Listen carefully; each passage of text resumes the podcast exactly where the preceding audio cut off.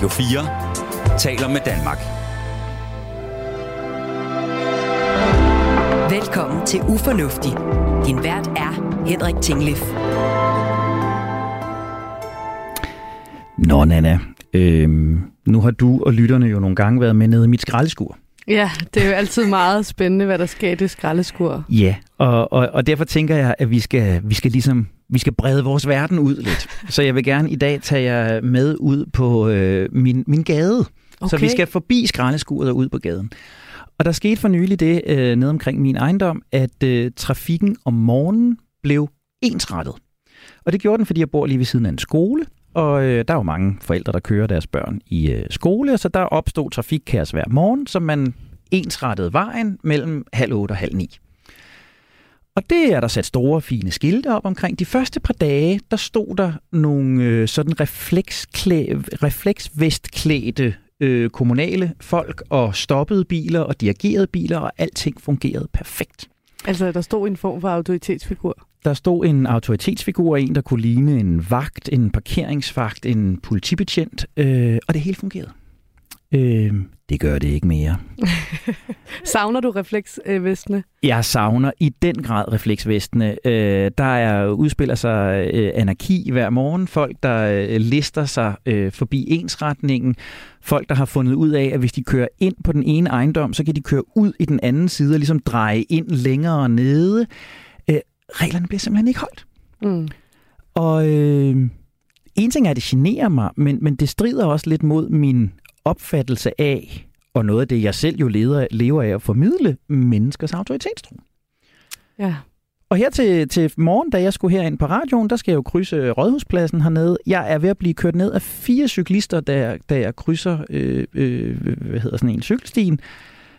De kører over for fuld rødt. Så i virkeligheden kunne du måske bare tage en refleksvest på. Tror du det? Tror du, det ville hjælpe, hvis du bare gik rundt og så sådan lidt autoritær ud?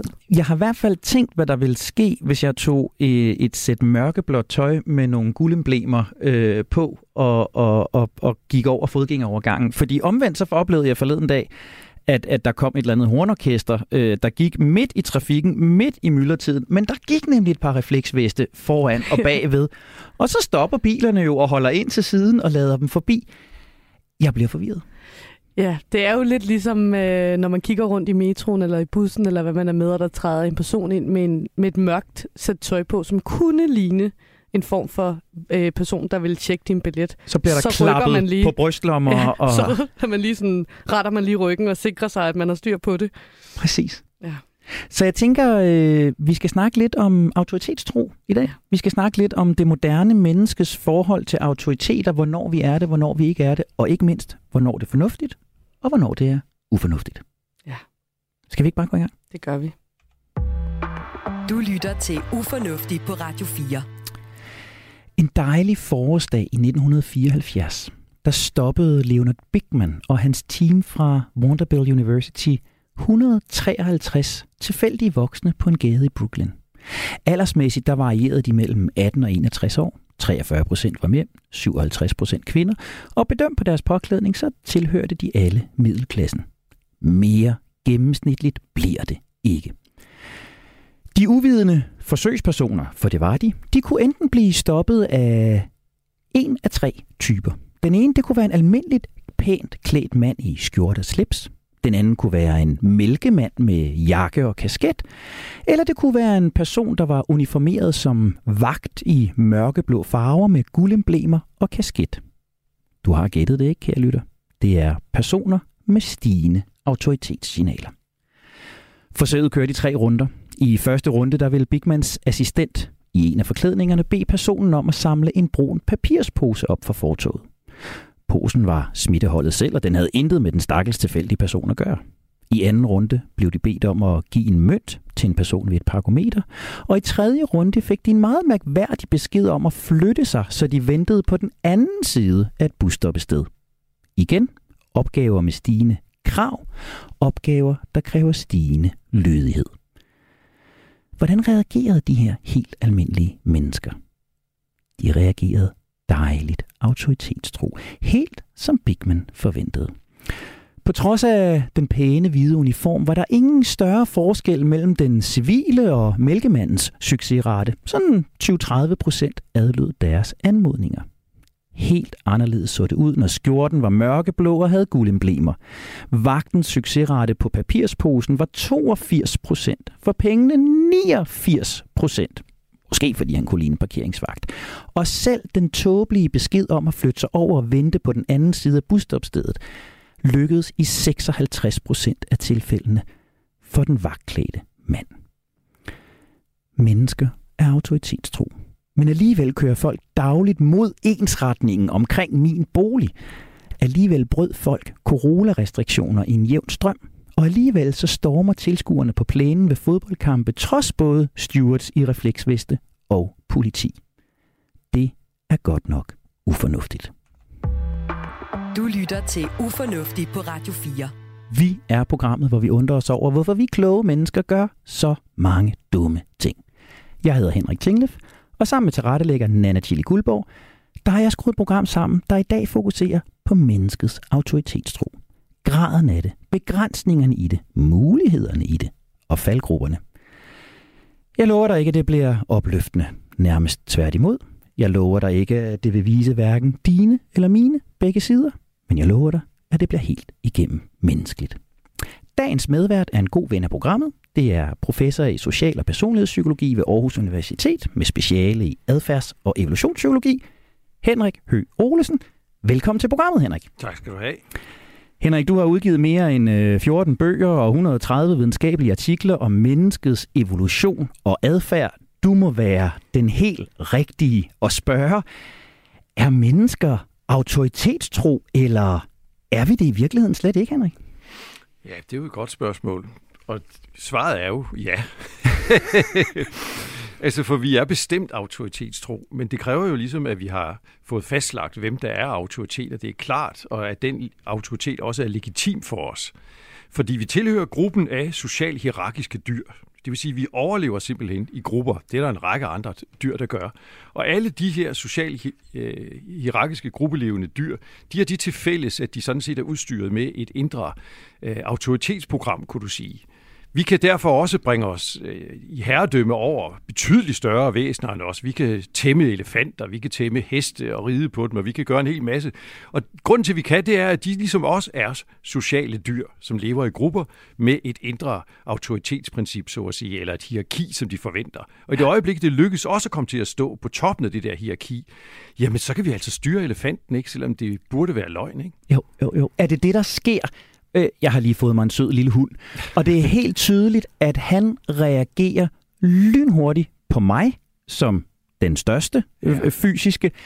Øh, han brugte lidt længere tid, men var også ret hurtigt med min datter, der er 15 år og næsten lige så stor ja. som mig. Og han skulle bruge noget længere tid på at, at respektere min søn på 12, som jo fysisk er mindre. Er det hans sådan ja. indre autoritetsprogram, der helt øh, fysisk øh, træder ind der? Ja, Altså, vi kan have hunde som, som vores nærmeste venner, og de kan bo i vores familier netop fordi de har et autoritetsprogram. Det vil sige, de kommer til at acceptere, at der findes et hierarki, og at nogen bestemmer over dem. Så selvom de i virkeligheden er rovdyr, nu er din, den størrelse, du har det måske ikke et rovdyr at se på. Det synes han selv, Henrik. Det synes han sikkert selv, ja. Men, men de andre store hunde, som vi omgiver os med, som jo i virkeligheden kunne flænse os, hvis de ville, ikke? Ja jamen de lærer lynhurtigt at respektere, at der er altså en i den her familie, som er alfadyret. Sådan en er de vant til, at der findes i den flok, de vil være vokset op i under naturlige forhold, vil der også være et alfadyr, som vil bestemme over de andre, ikke? og som de ville underkaste sig. Og du formår, fordi du opdrager på det, og fordi du styrer belønningerne, straf og, og, og føde og så videre, så formår du ligesom at træde ind i den der hierarkiske plads i hjernen på, på hunden, og så accepterer den, her har vi altså alfa-dyret, dig i det her ja. tilfælde, og så får du lov til at bestemme over den. Og lidt mindre med de andre. Den, altså, der vil man lidt udfordre. De andre i flokken vil jo lidt øh, jockey om, hvem er så den næstkommanderende, ja. og den næste igen og så videre, og hvem kan bestemme over hvem og så videre. Så der vil grænserne være lidt mere flydende, ikke? men de fleste hunde lærer jo at acceptere alle de levende voksne væsener i familien ikke som autoriteter. Og, og du fortalte jo, øh, sidst du var med, fortalte du om Milgram og hans strømforsøg. Jeg har i et andet program fortalt om Hofling Hospital Experiment, ja. overlægen, der kunne få sygeplejerskerne til at give dødelige doser. Og, og nu nævnte jeg lige Bigman her i, i indledningen. det er jo alle sammen forsøg, der spiller på nogle af de her parametre, kitler og titler og, og, og uniformer. Er der noget, de her forsøg så overser eller mangler, når nu jeg alligevel dagligt ser folk, der ikke overholder regler og ikke holder ensretning rundt om min bygning? Jamen, vi kan sige, at vi kan godt drage mere øh, erfaring ud af flere af de her forsøg, ikke? fordi der, der er flere detaljer, som sådan set ikke er offentligt kendt i, i, i, en række af dem, også, også Milgrams forsøg, som kan nuancere, hvornår vi lyster, og mm. hvornår vi ikke lyster. Problemet i det der moderne bybillede er jo lidt, at øh, altså ligesom med, med hunden, du kan godt lære hunden, at den må ikke ligge i sofaen. Og det gør den måske ikke, hvis du er hjemme. Men altså, hvis ikke du er hjemme, ikke, og du kommer og du bor måske i en lejlighed, så er det helt sikkert, når du sætter nøglen i døren, så vil du, hvis du hører godt efter, kunne høre en meget karakteristisk lyd. Lyden lyder sådan nogenlunde sådan her, dung dung. og, og det er en hund, der hopper ned af sofaen, ikke? fordi den ved godt, nu kommer der nogle af dem, der bestemmer, og så skal jeg ikke ligge her. Så hunden kan overholde det, den har lært, når der er en synlig autoritet omkring den. Ja. Og det samme gælder altså også mennesker. Ikke? Og det, der sker i det her byrum, det er jo, at det bliver mere og mere diffust, hvem autoriteten er.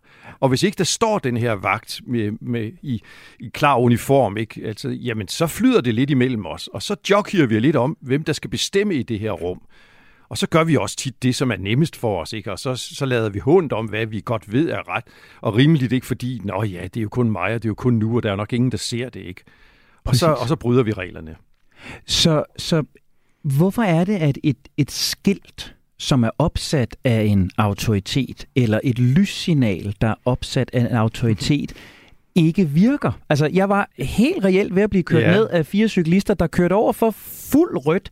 Det er vel et af de sådan, øh, hvad skal man sige, bedst kendte sociale signaler for stop. Yeah. Det er et rødt lys. Ja, og, og sådan på den, på den måde burde det jo virke. Ja. Men du har sikkert også selv gjort det. Du har sikkert også gået en mørk aften på vej hjem fra byen, og der er ikke et menneske på gaden, og der er ikke en bil på vejen. Og, og så står du måske og venter på, at det skal blive grønt i snestormen, ikke? Eller, eller også så går du over alligevel. Ja. Så hvis ikke der er den der autoritet til at sanktionere det, hvis ikke der holder politibilen på det næste gadehjørne, ikke? Jamen så står vi pænt her og venter. Ikke? Men hvis ikke den er der, så siger vi til os selv, det skulle da også åndssvagt at stå her og vente. Ikke? Der kommer jo ikke nogen, ikke? og det sneer, jeg vil hjem. Ikke? Ja. Og så gør vi det, der er nemmest. Ja. Så, så nemhed overtrumfer, om ikke autoriteter, så i hvert fald regler. Ja, og dogenskab også nogle gange. vi, Nana og jeg sad og talte om i, i formiddags øh, her, da vi sådan kiggede på, på programmet omkring netop øh, refleksvesterne, uniformerne, at øh, politiet har jo i mange år kørt sådan en vi skal være folkelige kampagne. Vi ser billeder fra Roskilde Festival, hvor politibetjente holder, øh, hvad hedder sådan nogle... Ølbong. Ølbong hedder den, okay. Tak. Der var lige 20 års øh, aldersforskel, der kom ind. Vi har øh, politibetjente, der fejrer sammen med fodboldfans, når landsholdet har øh, vundet. Vi har øh, politibetjente, der ruller ærmerne op og spiller bold med indvandrerdrengene i gadebilledet. Jo alt sammen i sådan en, vi vil gerne nærme os befolkningen, men kan det også give bagslag, Henrik? Er det også ja. sådan noget, der gør, at jamen, så stopper vi ikke, når politibetjenten står der? Ja, altså det er sådan noget, der godt kan give bagslag. Ikke? Altså, der, der er nogle sjove og interessante ting her, som vi kan prøve at, at sætte det her i relation til. Altså for eksempel, nu kan jeg huske tilbage i 70'erne. Altså, det er sjovt, hvordan hver årti ligesom har sådan nogle bestemte farvekoder og hvorfor nogle farver, vi synes er flotte og pæne og sådan noget. I 70'erne, der var brun og, og de der varme jordfarver, det var sådan meget udbredt i øh, det almindelige modebillede. Ikke? Og så synes man jo også, at vi skal prøve at modernisere nogle af autoritetsuniformerne. Og så på det ja. tidspunkt, så gik DSB-personalet, altså dem, som hjalp os med billetterne i, og viste os til rette i kupéer, for dengang var der kupéer, og som hele tiden gik rundt og tjekkede også, at vi havde lovpligtig rejsehjemmel. De gik rundt i sådan nogle brune, afslappede uniformer, en lille brun hat, ikke? en brun frakke, brune bukser, altså meget lidt autoritært. Ikke? Ja. Men det droppede man altså også igen, ja. fordi det var ligesom om, at de mistede noget af den autoritet, som de i andre situationer havde brug for at, at, at sætte i spil i forhold til at, at, at styre øh, de rejsende i toget, ikke? Og, og få tingene til at glide på en fornuftig måde. Ikke? Så det var sådan set et lille kort intermezzo, hvor, øh, hvor også uniformerne havde fået den der modefarve brun, ikke? og de gik så hurtigt over til igen at blive mørke og sorte, enten blå eller, eller, eller, eller, eller sorte, ikke? fordi det har vi nu forbundet med noget større autoritet. Ikke? Og Danmark er jo sådan et... Øh, det er jo også sjovt, hvis du ser på, hvordan vi ligesom har det med autoriteter. Der er lavet sådan, der er sådan en, en, en, en, en, en kendt sociologisk forsker, som hedder Hofstede. Ja. Og Hofstede, han har lavet sådan en masse undersøgelser af, hvordan forskellige lande, forskellige kulturer, hvordan deres relation er til autoriteter. Han opererer med sådan et begreb, som han kalder magtdistance. Og hvis der er høj magtdistance i et land, jamen så er der sådan meget styr på tingene, så er der meget sådan formfulde titler, så siger man herre og fru og doktor og professor og, og så videre der. Og hvis vi ser sådan på, øh, på, på og sammenligner os med nogle af de lande, der er omkring os, Jamen, nogle af vores nærmeste naboer, det er jo for eksempel Sverige og Tyskland. Ja. Og hvis vi går ind og måler på den her parameter magtdistance, så vil du se, at der er en meget højere magtdistance i Sverige, end der er i Danmark. Og der er endnu højere magtdistance i Tyskland, end der er i Danmark. Og selvom vi har delt historie og, og tæthed og nærhed og sådan noget, så er der altså et eller andet underligt der, ikke, hvor, hvor vi sådan ligesom skiller os lidt ud. Og hvis du går til Frankrig, vil du også se, der er der også sådan en meget højere magtdistance. Ikke? Der er også et meget større oprør mod autoriteterne. Du kan se, der skal ingenting tilføre, så er man på gaden i Frankrig. Men i den almindelige omgangsform mellem mennesker, ikke, så har man så siger man de, nogle gange sågar til sine forældre også, og til sine bedsteforældre og så videre. Og man holder på titlerne, ikke? Man er, man er, man er doktor, og man er professor, ja. og man er direktør, og man er herre, og man er fru. Og, og alle sådan nogle ting, der, som vi er meget mere loose i forhold til. Og hvor ligger, fordi det, det er jo, du beskriver det jo lige med, med Frankrig, ved vi noget om, hvor balancen ligger, Henrik? Fordi jeg tænker, på den ene side, så må høj magtdistance give en højere grad af autoritetstro. Ikke? Jo ja. mere det er herr minister og ja. frominister og herr skolelærer og de og dem, så retter vi også ind til højre. Men du, du siger det jo netop også selv, vi ser langt flere øh, øh, oprør, protester, ja. demonstrationer. Så det må jo ligge, der må ligge en eller anden hårfin balance mellem, hvornår vi opnår. En fin højere grad af autoritetstro, og det så kommer over. Ved vi noget om, hvor den ligger? Nej, ikke, ikke i præcis og målbar forstand, men, men det er klart, det der er så interessant ved os som, som sociale hierarkiske dyr, det er jo, at der ligger i os en, iboende trang til ligesom at nå så højt som muligt i et hierarki. Ja. Og det vil sige at få så meget dominans og magt og indflydelse som muligt. Og i den der magtstræbelse ligger der jo også, bagsiden af den kan du sige, er jo en aversion mod at blive domineret. Ja. Så, så vi kan sætte, vi kan, altså, vi kan sætte, vi kan spænde skruerne så stramt, ikke, at, at vi, der virkelig er ordning, og ordning muss sein og så videre. Ja. Og når vi, så når vi på et eller andet tidspunkt et, et mætningspunkt, ikke, hvor dem, der så ligesom er for meget holdt i ørerne af de andre, som har sat sig på magten, ikke, at deres modvilje mod at blive domineret for intenst og for stærkt, den bliver så så stor, ikke, at de gør oprør og vrænger af det, og ikke vil have med det at gøre. Ikke? Og det er jo også sjovt at se, hvordan vi sådan igennem historien har perioder, hvor vi på et tidspunkt ligesom gør op med de der magtstrukturer, den magtdistance, som er etableret. Vi havde i den vestlige verden 60'erne i særdeleshed, og også op i 70'erne, ikke, som var stærkt anti-autoritære, sagde vi. Og det betød jo ikke, at der ikke var autoritet i 60'erne. Det betød jo bare, at autoritet var til forhandling, og nogle andre nu forsøgte at definere normerne og omgangsformerne, og hvad der var op og ned, og ret og rimeligt osv. Ikke?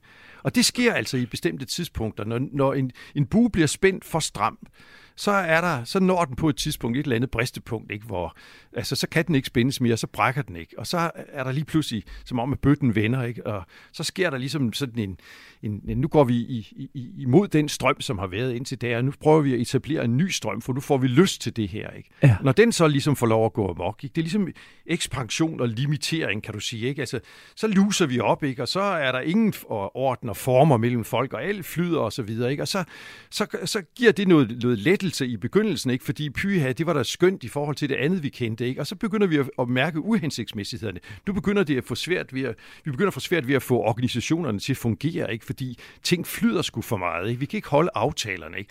De roder, der er uorden. Ikke? Og så begynder nogen igen at, at, at række ud efter budet om, kan vi få nogle grænser? Kan vi få nogle strukturer? Kan vi få nogle yeah. rammer? Kan vi få nogle ordner? Ikke? Og, så, og så når den her ligesom, proces ligesom, til også at kulminere, og så skifter det igen. Ikke? Så der er sådan noget aktion-reaktion omkring de her ting. Så ville, ville de her sådan dagligdags, øh, øh, hvad skal vi kalde det, anti-autoritetshandlinger, jeg sådan har, har, har dvælet lidt ved her, øh, de røde lys og, og ensretningerne og affaldet, der bliver smidt ved siden af, af, af affaldsspanden og den slags ting. Er det et spørgsmål om, at magtdistancen i Danmark måske er blevet for lille. Altså at, at, at politibetjenten, regelsætterne, lovgiverne ikke er så respekteret, som de måske er i Tyskland eller Amerika eller Frankrig.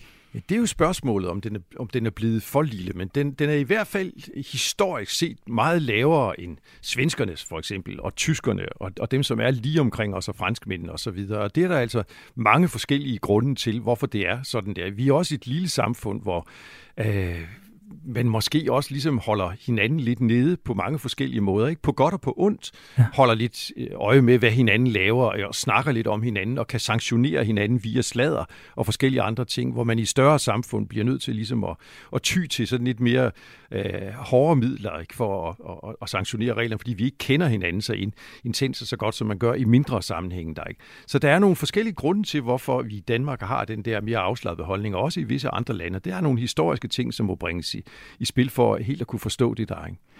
Jeg tror, mange sådan øh, helt almindelige mennesker har en oplevelse af, at det er, der også er noget i, i tiden, der gør det her. At det moderne menneske er mindre autoritetstro, end, end, end vi var tidligere. Er, er det noget, du fra din stol også kan se? Altså, er, er, er det simpelthen bare en, en fremskreden udvikling, eller er det den her aktion, reaktion, øh, du beskriver før? Er det moderne menneske mindre autoritetstro, end vi var for 50 år siden? Eller for 50.000 år siden. Hmm. Altså det er, der, det er lidt, du ved, vi er det muligvis øh, mindre autoritetstro, end vi var for 50 år siden. Men går du længere tilbage, ikke, så vil du se, at det, det er altså noget, der fluktuerer. Og det er som om, at det der med, at vi er de der socialt hierarkiske dyr, at vi har et autoritetsprincip, at man meget nemt kan aktivere det her autoritetsprincip, hvis man ligesom kan fremstå som en legitim autoritet. Det er altså noget, som ser ud til at skal forstås under evighedens synsvinkel, faktisk i virkeligheden. Men der vil være fluktuationer, kortvarige fluktuationer inden for århundreder osv., og jeg vil godt være med til at skrive under på, at vi måske er, er, er mindre autoritære i dag, end vi var i 1930 for eksempel. Ikke? Ja, ja. Vi skal øh, snart gøre plads til nogle øh, nyheder, og jeg sidder stadigvæk med en note om, at der var viden fra de klassiske forsøg, ja, som ikke var offentligt ja. kendt. Altså, ja. den, øh, Henrik, det kribler og, og krabler i mig. Dem skal vi, øh, dem skal vi have. Nana, jeg sidder og, og tænker på øh, igen aldersforskellen her. Hvad, hvad sidder du og tænker om, om, om det, som Henrik beskriver for os her? Jeg, jeg, jeg tænker meget over det der med, at jeg kan mærke, at jeg er glad for at være i et land, hvor der ikke er de der store skæld Altså, øh, hvad var det, Henrik kaldte dem? Nu glemte jeg det igen. Magtdistance. Magtdistance, det var det, du kaldte ja. dem. Og, og, og, for, og for eksempel bare det her med, at jeg kalder dig Henrik, ikke? Altså, i et andet land øh, vil jeg tiltale dig professor, ja. eller øh, hvad det vil være doktor. Og nu er jeg ikke så god til de grader måske, fordi vi ikke har så meget af de der øh, øh, titler i Danmark. Og det kan jeg huske fra, når jeg har studeret i udlandet og sådan, og det skulle jeg virkelig øve mig på, eller hvis jeg henvender mig til amerikanske kilder, at jeg skal huske at bruge deres efternavn og sådan. Og det kan jeg mærke inde i mig selv sådan helt idealistisk, at, at det, jeg er glad for, at jeg bare må kalde dig Henrik, fordi det det gør, at øhm, jeg føler ikke, at du føler, at du er hævet over mig, selvom du er klogere end mig. det er heller ikke sikkert, jeg er, men jeg har da en titel i hvert fald. Ja. Det har du, men er det okay, at jeg ikke bruger den? Det er helt jeg bliver, jeg bliver sådan set, altså det er vi jo vant til, at man ikke gør. Jeg, ja. jeg, jeg synes, det er helt underligt, og jeg har været udstationeret på forskningsophold i andre lande mange gange, og jeg har også været i Frankrig, jeg har også været i Tyskland, og de første, det første tid, jeg er der, når, folk ligesom konsekvent siger øh, Dr. Høgh Olesen til mig, ikke, så, så smiler jeg lidt, for jeg tror, de laver grin. At, at de sådan, nu laver de lidt sjov med mig og sådan noget, men det gør de bestemt ikke. Altså, de skal meget indgående have at vide, at det behøver de ikke at kalde mig. Og selvom jeg så har fortalt dem det, så bliver de sgu ved med det alligevel, fordi de kan næsten ikke vende sig til, når ikke de kender mig bedre, end de gør, at de møder mig på arbejde, så er jeg jo professor Høgh Olsen eller doktor Høgh Olsen der ikke. Men, men det har vi lagt fra os herhjemme, og det er meget nemmere, mm. at vi har det. det. Det er også det, jeg er vant til. Ah. Ah, men altså, jeg sidder og, jeg sidder og, og, og bliver meget øh, foruroliget på menneskehedens vegne i virkeligheden over, at vi har brug for, autoriteten er der for at holde reglerne. Det er sådan en af de ting, jeg sådan mm. lidt øh, tager med mig. Øh. Og så, så er jeg blevet meget optaget af magtdistancen og hvor lidt jeg, jeg indbryder mig om det, så kan jeg mærke, at jeg sidder med et lille ønske om en lidt højere grad af, af magtdistance, fordi jeg i virkeligheden har en idé om, at det vil kunne øh, hjælpe os et øh, par skridt på vejen. Men den store teaser lige nu, det er, at vi kan i Ufornuftig på Radio 4 om ganske få minutter offentliggøre noget af det ellers hidtil uoffentliggjorte viden fra de store socialpsykologiske forsøg. Jeg kan nærmest ikke vente. Men allerførst, der øh, skal vi give plads til noget, der måske også skal offentliggøres. Vi skal gøre plads til nyhederne lige her på Radio 4. Radio 4 taler med Danmark. Velkommen til Ufornuftig. Din vært er Henrik Tinglif. Er mennesker autoritetstro? Hvornår er vi det mere end andre gange? Hvornår er det godt, og hvornår er det skidt?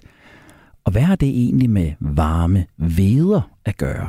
Det forsøger vi i dag at besvare sammen med dagens medvært, der er professor i social- og personlighedspsykologi ved Aarhus Universitet, herr Dr. Henrik Hø Olesen. Tak fordi du er med i dag, Henrik. Jo, tak skal du have og kære lytter, du skal huske, at hvis der er noget, du undrer dig over, noget du gerne vil blive klogere på, hvordan vi kloge mennesker ufornuftigt håndterer verden, så kan du altid skrive til redaktionen på ufornuftig radio4.dk.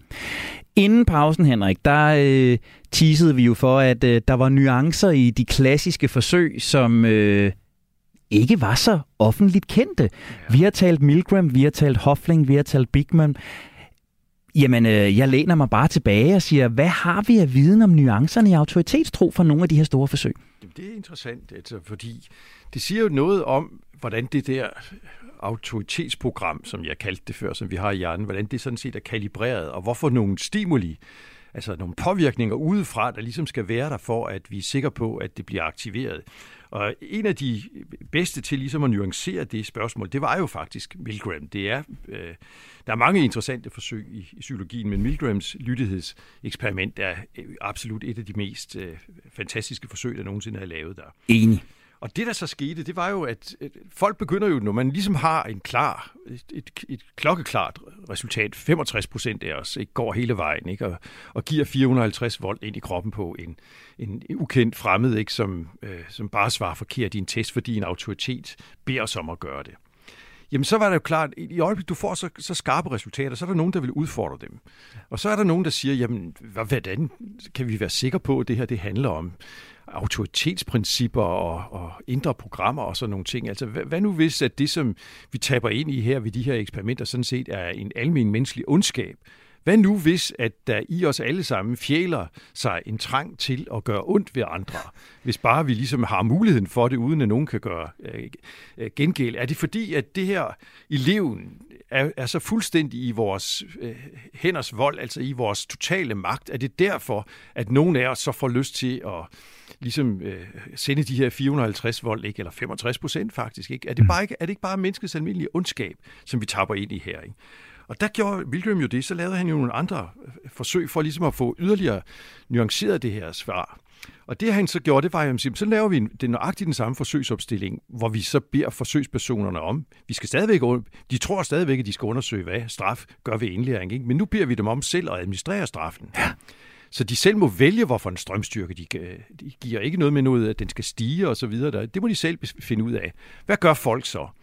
Jamen der er det jo, altså virkelig, så er vi nede på en promille, som kunne drømme om at sende øh, 450 volt ind. Ikke? Altså, altså flertallet, 99,9 procent, ikke? Altså de øh, går jo ikke over øh, øh, 50 og 100 volt. Altså kunne ikke, kunne ikke drømme om at gøre det. Ikke? Og, og langt de fleste af dem ligger jo nede og roder omkring 15 og 30 volt. Ikke? Altså kommer ikke videre. Så, så det er jo ikke fordi, altså de er jo, eleven er jo lige så meget i deres hænder, i, i, i deres hænder som, som tidligere, og de har lige så meget magt over vedkommende. Ikke? Men, men når de selv ligesom skal definere, hvad straffen skal være, så er der ikke nogen, der har lyst til at sende de her 450 volt De finder på noget andet. Ikke? Så det er yderligere med til at understrege, at det er altså noget, som autoriteten får dem til at gøre. Og så prøvede han jo yderligere med no- nogen, som vi kunne kalde nærhedsvariationerne. Hvad sker der så? Kan vi ikke sætte det her ned det var sådan set det, der var hans interesse. Ikke? Altså, hvad i alverden skal der til for, at, at, at 65 procent ikke altså bare springer i og så gør nøjagtigt, hvad vi beder dem om? Ikke? Hvad nu, hvis vi lader dem ligesom vide lidt mere om den her forsøgsperson? Han får lov til at, og de får lov til at være lidt sammen med øh, eleven i længere tid, og får også at vide, at jamen, han har jo hjerteproblemer, og han har den her historie. Altså, han bliver sådan lidt til et menneske for den der. Ja jamen så kan vi se, så, så bliver det sværere at, ja. at, at, at, at sende øh, alle de her stød ind i, i vedkommende. Ikke? Men stadigvæk er der alt, alt, alt for mange. Ikke? Altså det er en meget lille, lille del, som kommer ind. Og, og, og, og, og bliver, det, bliver meget, det er meget få, ikke? Som, som, som ikke stadigvæk gør lige nøjagtigt, hvad de får besked på. Ja. Men så prøver vi at sætte personen i rummet, sammen med os. Ikke? I det andet eksperiment, der sidder han jo i et andet og rum. Adskilt. Ja, ja, og vi kan ja. høre, at han råber og skriger og har det hårdt derinde og sådan noget. Men nu sidder han altså. Vi kan se ham i øjnene. Og eleven, skal I huske, er jo en skuespiller, ikke, som er dygtig til at, at spille rollen. Så nu sidder vi altså og kigger på et menneske, som er forpint, og som også stiger tilbage i øjnene på os, ikke, og insisterer på, at jeg vil ikke være med, og så videre. Og når vi ligesom er der øh, henne og har den her øh, nærhedsrelation, så er der kun i gåseøjne 40 procent af os, ikke, som ja. går hele vejen og sender 450 volt ind. Og det forbløffede også Milgram. Ikke? Vi er faldet fra 65 til 40, ikke? Det, men det er sat med... Jamen, højt. Ikke? Ja, det, ja. Det, er, det er virkelig højt. Ikke?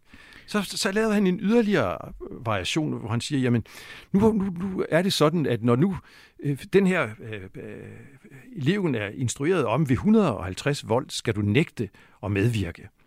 Og så vil jeg så som autoritet i hvid kittel bede øh, forsøgspersonen om at presse din hånd ned på en strømførende plade. Du vil ikke selv være med, du vil ikke selv svare osv., men, men så betragter vi dine ikke-svar som, som forkerte svar, og så skal øh, eleven så straffe dig ved at presse hånden ned på pladen. Ikke? Hvor mange vil så være med på det? Ikke? Og det, altså, det, nu er det jo fuldstændig håndgribeligt. Jeg sidder ikke bare og trykker på en knap og så videre. Jeg tager rent faktisk et andet menneske, som ikke vil være med i et eksperiment, ikke? og presser dit hånd ned på en strømførende plade, ikke? og holder den der ind til, at stødet ligesom er udløst. Ikke? Så nu, nu kan jeg næsten ikke løbe for øh, løbe fra min delagtighed i, i det her eksperiment. Ikke? Hvor mange går så hele vejen på autoritetens bud? Det går 30 procent ja. af de her forsøgspersoner. Ikke? Og det er jo virkelig, virkelig meget. Ikke? Og så lavede han derudover også nogle variationer, hvor han sagde, jamen lad os så prøve at variere autoriteten lidt. Hvad nu hvis autoriteten ikke er her? Hvad nu hvis at autoriteten kaldes væk? Ja. Så er der ikke en autoritet i rummet. Til gengæld er der nogle tre forsøgspersoner, tror de. Vi, vi ved jo så også, der sidder og læser med eksperimentet, ikke? At, at, at det er faktisk kun den ene, der er forsøgsperson. De andre er med i det. Der. Mm. Men nu er der så en af dem, som er med i det, som, som så ligesom siger, og han figurerer jo som en almindelig mand i den her nye forsøgsopstilling. Autoriteten er væk, og vi kan jo ikke blive ved med at stå her og vente på, at han kommer tilbage. Vi skal gennemføre de her eksperimenter, som vi har skrevet under på. Jeg har hørt, fordi jeg kender faktisk en, der har været med i de her eksperimenter tidligere. Ikke? Man skal simpelthen, hver eneste gang de svarer forkert, ikke? så skal man lade strømmen stige med, med, med 15 volt. Ikke? Og hvis de på et tidspunkt øh, ikke øh, svarer længere, jamen så skal man betragte ikke-svar som værende forkerte svar, og så skal man lade strømmen stige. Ikke? Ja. Så nu har vi et almindeligt, et almindeligt menneske, som er ualmindeligt velformuleret, ikke? og som er meget venlig, men som et almindeligt menneske ligesom mig. Vi står her, ikke? og nu siger han, at det er det her, der er reglerne. Hvor mange følger så, når vi har med de her ting at gøre? Ikke? Ja, det gør så kun 20 procent. Ja. Så, så der kan vi se, det betyder altså noget, ikke? uanset hvor overbevisende han er. Ikke? Ja. Øh, og han gør sig jo til alfa i den her interne flok, hvor vi står som tre nu viser. Der gør han sig jo så pludselig til den, der er lidt alfa, fordi han ved noget om, hvad der foregår. Men han har jo ikke nogen autoritet at smykke sig med. Han har ikke nogen hvid kittel og så videre. Så nu er det ikke 65 procent, nu er det 20 procent. Og så lavede han jo så endelig den, den sidste variation også omkring det her ting, hvor han lod den sige, jamen nu står vi her på et, et flot, accepteret universitet som Yale. Ja. Hvad nu, hvis vi lader det her være sådan noget, der foregår i nogle lidt lusede lokaler nede i en forstad ja. til, til byen, ikke? Øh, øh, noget, der hedder Bridgeport Research Association, altså, som vi ikke rigtig har hørt om, ikke? men hvor de der laver nogle markedsundersøgelser og nogle forsøg. Ikke? Så nu går vi op i sådan en lidt skræmmet trappeopgang, og op i nogle små ydmyge lokaler ikke? med dårlig belysning, hvor der står nogle almindelige mennesker ikke? og skriver på nogle skrivemaskiner, og så bliver vi ført ind i det her øh, lokale, ikke? og så har vi fået til opgave at deltage i det her forsøg, og vi har fået de samme penge for det, som da vi øh, forsøget foregik på Yale osv., men rammerne er virkelig nogle andre. ikke. Og så er spørgsmålet, har autoriteten så lige så meget kraft, fordi nu har han ikke universitetets øh, autoritet i ryggen, så at sige der, ikke? Nej, det har han faktisk ikke. I de her situationer, selvom han gør nøjagtigt, som det er den samme øh, forsker, som står i den samme kittel ikke, og siger på nøjagtigt samme måde, og med lige så meget viden bag, kan man sige, ikke, men i nogle helt andre rammer, og nu er det kun 48 procent af os, som går hele vejen. Det er stadigvæk ja, rigtig stadigvæk mange. mange ja. Men, men det, det er sådan noget, du ved, der er signifikant. Nu falder vi fra 65 ja. til 48 procent. Ja. Så lavede han en sidste variation, som ingen faktisk kender. Øh, og som aldrig rigtig blev offentliggjort, øh, men som vi kan se, når vi går op i hans arkiver og noterne. Han prøvede også at sige, hvad sker der, hvis vi lader forsøget udspille sig mellem familiemedlemmer ja. eller naboer, altså venner, og sådan, som har kendt hinanden i længere tid, minimum fem år, og har ligesom været, været tæt sammen og så videre. Så nu skal vi altså, som, hvis vi også der trækker øh, lod og, og, og får opgaven at være den, der skal være læreren, som skal straffe og så videre, så skal vi nu sende de her vold, som autoriteten beder os om at gøre, ind i kroppen på en, som vi kender. Vores bror, vores svoger, vores far, vores nabo, vores kammerat og så videre, vores arbejdskolleger, som vi har været sammen med i fem år. Altså folk, som vi har en nær tæt relation på. Og der kan du så se, det, det kan simpelthen ikke lade sig gøre. Ikke? Der, der er vi helt nede på en, en 10-15 procent. Ikke? Som, altså, der, der er det som om, at der kan autoriteten altså, den pligtmoral, som autoriteten får trigget ved at være en virkelig autoritet, den bliver altså overrulet af den omsorgsmoral, som, som gør, at jamen, de mennesker, som jeg kender så godt her, det kan jeg sgu ikke tillade mig at sende 450 volt ind i kroppen på om Det kan jeg altså ikke. Jamen, det er fantastisk, og ja, der, der er jo så mange dagligdagsbilleder, der springer op i hovedet på mig. Ikke? Der er jo den, der hedder hvorfor centervagten ikke har samme respekt ja. som politibetjenten. Ikke? Det er ja, jo, det er jo ja. stedfortræderen, ja, som, ja. som du beskrev øh, før. Ikke? Hvorfor den unge øh, øh, løse vikar på folkeskolen ja. ikke kan skabe øh, ro i klassen i samme grad som overlæreren, eller endnu videre øh, skoleinspektøren, når han går øh, ja. ned ad gangen. Ikke? Og med den unge vikar er der måske ovenikøbet både det, han selv har gået på skolen, eller kender nogle af ungerne, eller også spiller fodbold i den samme klub som dem.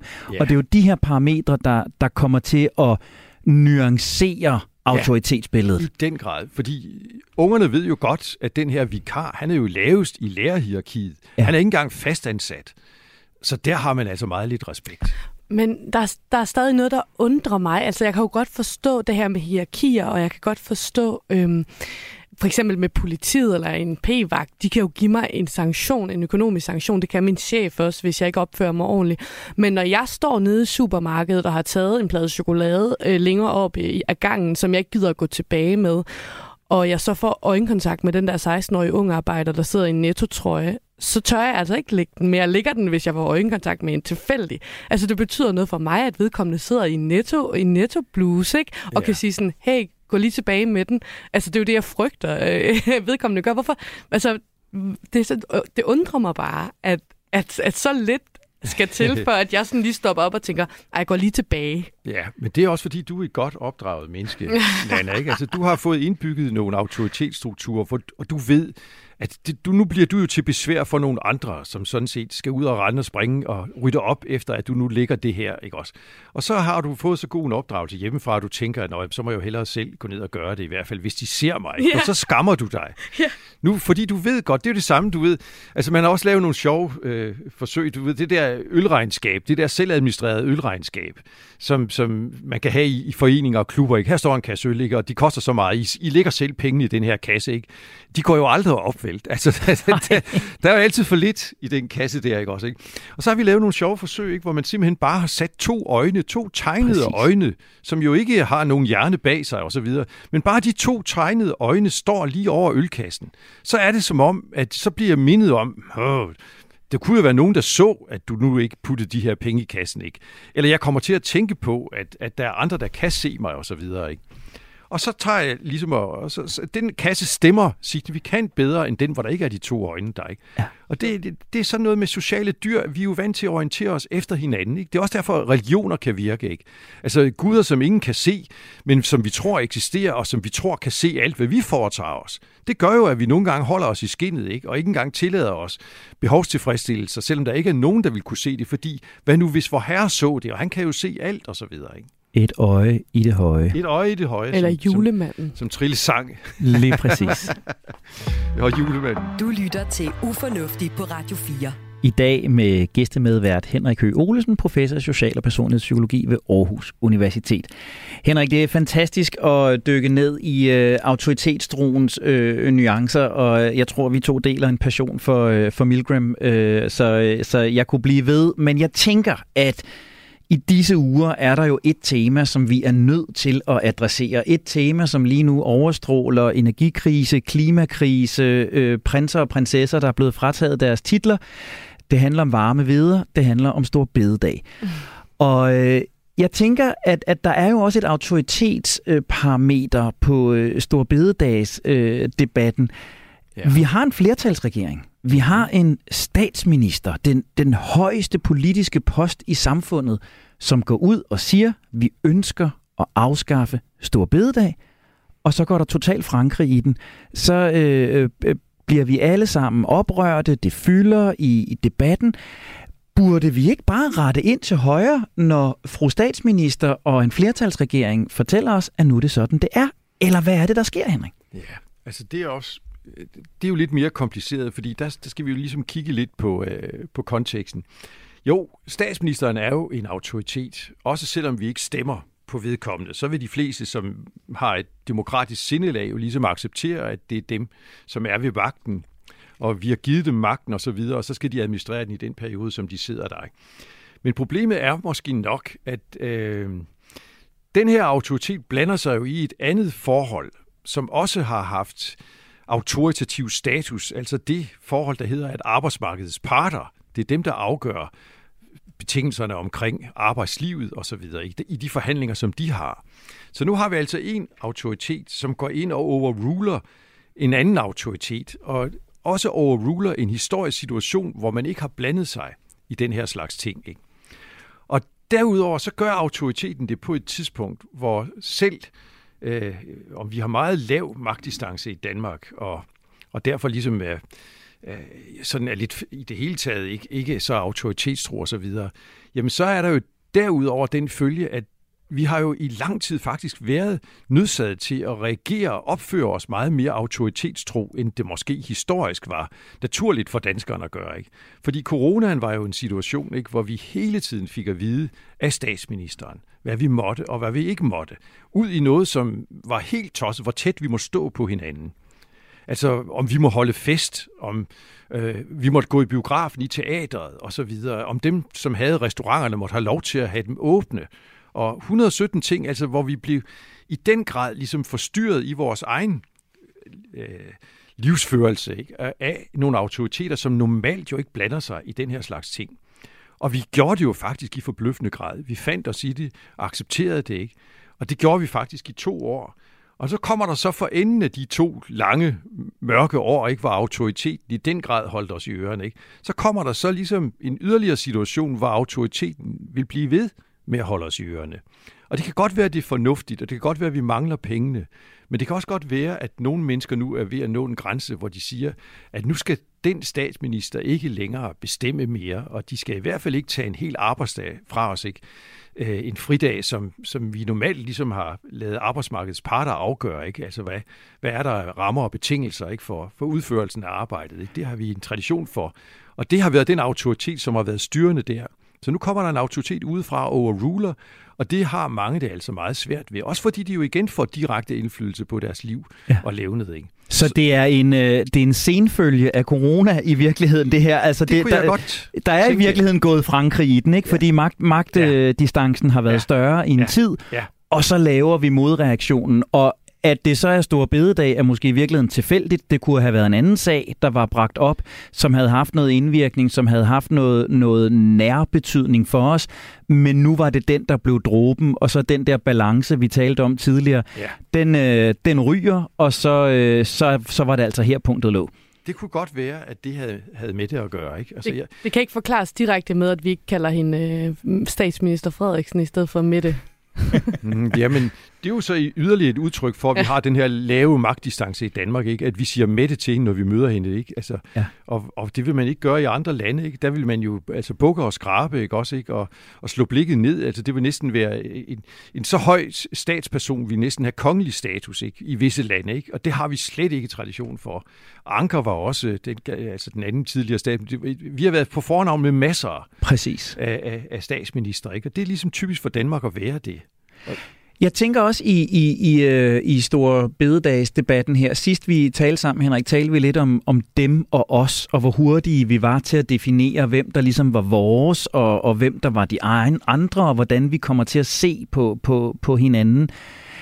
Er det her også øh, sådan nogle mekanismer, der går i gang, fordi vi jo alt andet lige bliver bliver ramt forskelligt. Øh, den ja. helt almindelige lønmodtager med 8-16 jobbet, eller, eller ja. det vagtplansborgende job, bliver ramt på en helt anden måde end sådan en kreativ fri fugl som mig, der jo bare kan arbejde, når det passer mig. Ja. Er det sådan nogle mekanismer, der også går i gang? Ja, helt sikkert. Det, at det her, det rammer os forskelligt. Altså, ja, ja er der også Ja, det, altså helt ærligt, så er jeg fløjt ligeglad. Altså, fordi man, man kommer jo på arbejde næsten som, som det passer ind. Altså, man, man har nogle opgaver, man skal løse. Når bare man løser dem, er der ikke nogen, der kontrollerer, ligesom, hvornår jeg er hvor, og så videre. Bare jeg ligesom gør det, jeg skal, og så videre.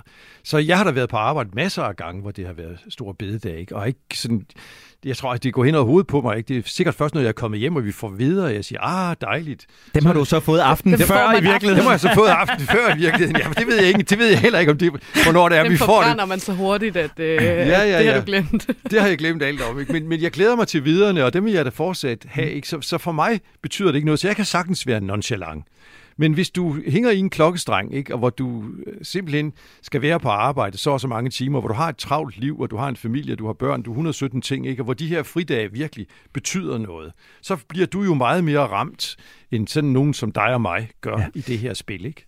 Og så var så vores diskussion omkring det, Henrik, der var, der var mit input altså også, og det har jo nok ikke så meget med autoritet at gøre, men jeg synes simpelthen, det er fejllæst af tidsånden, det her med yeah. at ligesom sige mere arbejde. Jeg synes, at det ligesom er sådan, vi er i en tid, hvor der, vi snakker om uh, quiet quitting, og yeah. altså noget med balance, og man skal yeah. ikke blive stresset og sådan noget. Ikke? Der synes jeg simpelthen, det er en fejllæsning yeah. af en fridag, som det ikke er alle, der har. Og når man, altså de fleste har et flydende job, men, men stadigvæk symbolet i det. Ikke? Jamen, du fuldstændig ret, og det er jo endnu mere måske en tårn i øjet, fordi det er jo hendes egne, hun først og fremmest slår over nallerne ved det her. Det er hendes egne, hun først og fremmest tager noget fra, kan du sige, Mettes vælgere. Ikke? Så det er dem, der er, er i, i, i, i, i øh, i 7-4 job, eller hvad, i sådan mere skemalagte øh, mm. professioner, ikke også, ikke? som har øh, tilkæmpet sig igennem historien og igennem tiden, ikke? nogle fridage nogle rettigheder osv. Ikke? Dem, som i forvejen ligesom værdsætter deres, deres fritid i stor udstrækning, fordi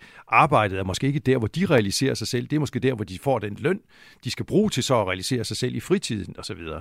Så, mm. og, og samtidig på et tidspunkt i historien, hvor, hvor vi sådan begyndt at, at gøre lidt op med det der enorme arbejde, øh, hvor meget det har betydet for os, ikke? og fordi folk bliver stresset og brænder ned på tælling, ikke? og står af på alle de præstationer, som ligger i præstationssamfundet. Ikke? Så, så på den måde er det jo det er et svært budskab, for hun skal ud med det, og det rammer først og fremmest sine egne vælgere, og, og det er på et tidspunkt, hvor vi er i gang med en anden diskurs, hvor vi i virkeligheden skal arbejde mindre, og så videre. Mm ja. så, så træder det der lidt i baggrunden, at vi rent faktisk også har nogle alvorlige økonomiske problemer, og vi har, hvad værre er, altså en, en, en ret øh, uhyggelig og, og, og farlig øh, international situation, hvor det kan være nødvendigt ligesom at, at sige, at vi bliver fandme nødt til at have et militær, ikke, for at, at vi kan holde skinnet på næsen ikke, og holde øh, ulvene fra, fra døren. Ikke? Altså, sådan vil der jo også være, være kræfter, ikke, som fornemmer tidsånden og situationen osv., men det træder altså lidt i baggrunden. Og, og, der er et, og det jo, kan jo næsten ikke være smukkere, fordi på den måde ender vi jo nærmest der, hvor vi, vi startede, fordi det vi jo så beskriver her, det er, at igen bliver det det nære. Altså de ja. mennesker, der hver morgen nede på Kongebakken hos mig vælger at fortsætte forbi skiltet, hvor der står indkørsel forbudt, de vælger det nære. Lige ja. nu skal Malte i skole, ja. og det er faktisk det, der er problematikken lige nu. Ja den store trafikkaos, det at der er øget sandsynlighed for, at andre bliver kørt ned, det at der er nogle regler, jeg bryder, jeg eventuelt kan få en bøde, det er en fjernere, mere abstrakt trussel den helt konkrete trussel, det er, at Malte han skal ja. nå ind, inden klokken ringer, og ja. så må jeg gerne lige drive forbi. Det, det, det er der, vi ender, at det nære overtrum for ja, det. det er det meget. Ja, altså, ja, det er muligt, at, at Putin er, er farlig. Det er muligt, at, at vi som NATO-allierede ikke skal mobilisere og så videre der ikke. Men det er jo ikke lige nu. Det er jo ikke lige her. Men det er lige nu, at jeg står til at miste en fridag hvor vi plejer i vores familie at gøre, og så videre, og så videre, og så videre. Ikke? Så der er igen, altså, sådan er mennesker jo også, ikke? Altså, det det, der er nærmest på dem, ikke, som betyder mest for dem, ikke? Ja. Så vi er autoritetstro. Det er det, vi går, går ud med i dag. Som udgangspunkt, så er mennesket autoritetstro. Yeah. Vi har et autoritetsprogram. Yeah. Der er noget omkring magtdistancen, der kan, kan påvirke, hvor meget vi agerer efter det. Der er nogle strømninger, nogle aktioner og reaktioner, som over tid vil, vil få det her til at bølge frem og tilbage. Og der, hvor vi måske misser øh, autoriteten, det er, når der er et meget nært behov, ja. et meget nært ønske, ja. som vi simpelthen bare skal opfylde lige her nu. Ja, og hvor vi har vendt os til, at nogle andre autoriteter, arbejdsmarkedets parter, det var dem, der ligesom bestemte de her ting. Ikke? Eller de der refleksveste, som forsvandt, men som egentlig skulle bestemme det. Lige ja, præcis. Ja, ja. Så nu vil jeg tage min refleksvest på, og så vil jeg gå ned på Rådhuspladsen og se, om jeg kan komme mere sikkert over fodgængerovergangen, når jeg skal tilbage til de nu blåklædte øh, kontrollører i togene, der ikke længere bærer brunt. Professor i social og personlighedspsykologi ved Aarhus Universitet, Henrik Høgh Olesen, tusind, tusind tak, fordi du var med i dag og gjorde os klogere og nuanceret begrebet autoritetstro. Selv tak. Og Nana, hvad tager du med dig? Herfra i dag? Jeg vil holde lidt øje med de der reaktioner, øh, de der udsving, der kan være på den der akse. Altså, hvor meget autoritet skal der til for et kæmpe oprør, og hvor lidt autoritet skal der til for, at vi er pisse ligeglade med det hele, ikke? Jo. Ja. Jeg, øh, jeg ønsker mig lidt mere magtdistance. Jeg ønsker de danske skolelærer lidt mere magtdistance. Det kunne jeg godt tænke mig. Og dermed så øh, nåede vi dertil, hvor vi skulle i dag. Mennesker er fantastiske og forunderlige. Vi er også foruroligende og farfulde, og dagens emne har bare vist en lille fli af det. Husk, at du altid kan genlytte hele programmet her og alle Radio 4's andre gode programmer inde på Radio 4-appen. Jeg hedder Henrik Tinglef, jeg har været din vært. Til rettelægger var Nanne Chile Guldborg. Du er altid velkommen til at skrive til os på ufornuftig radio4.dk hvis du har små forundringer, store forundringer, ting du undrer dig over, at vi kloge mennesker gør af dumme ting, så kan det være, at Nana en dag giver dig et kald, og du bliver hovedtemaet i vores udsendelse. Tak for din tid, tak for din opmærksomhed. Blev vi alle sammen klogere? Måske. Vil vi alligevel dumme os igen? Absolut. Og derfor, der gør vi det hele igen i næste uge. Det skal nok blive ufornuftigt.